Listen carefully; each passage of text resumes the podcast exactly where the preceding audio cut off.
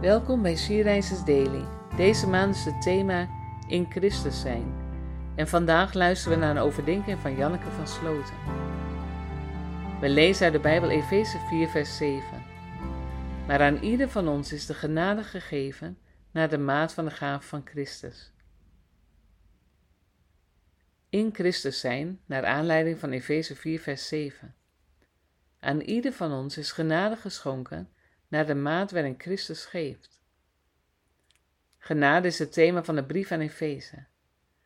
De genade wordt in zijn volheid gegeven. Niet alleen aan de mensen in Efeze, maar ook aan u, jou en mij. Genade is een geschenk van God aan ons, dat wij met open handen en met een open hart mogen ontvangen. Kun jij nee zeggen tegen een geschenk dat met zoveel liefde is gegeven? Daar kun je toch geen nee tegen zeggen? Maar dat stemmetje dat zegt: Wie ben jij? Wie ben ik dat wij die genade mogen ontvangen? Het antwoord staat onder andere in Efeze 2, vers 8. Door het geloof in Hem bent u gered. En dat komt door Zijn genade. Dat is niet uw eigen verdienste, maar een geschenk van God. Wil jij daar amen op zeggen? Laten we samen bidden.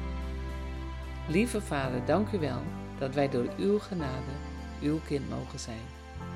Amen.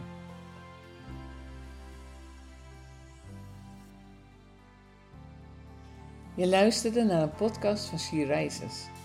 She Rises is een platform dat vrouwen wil aanmoedigen en inspireren om in hun christelijke identiteit te staan en van daaruit te delen met de wereld. Wil jij onze missie steunen, dan kan dat door de vindbaarheid van deze dagelijkse podcast te vergroten.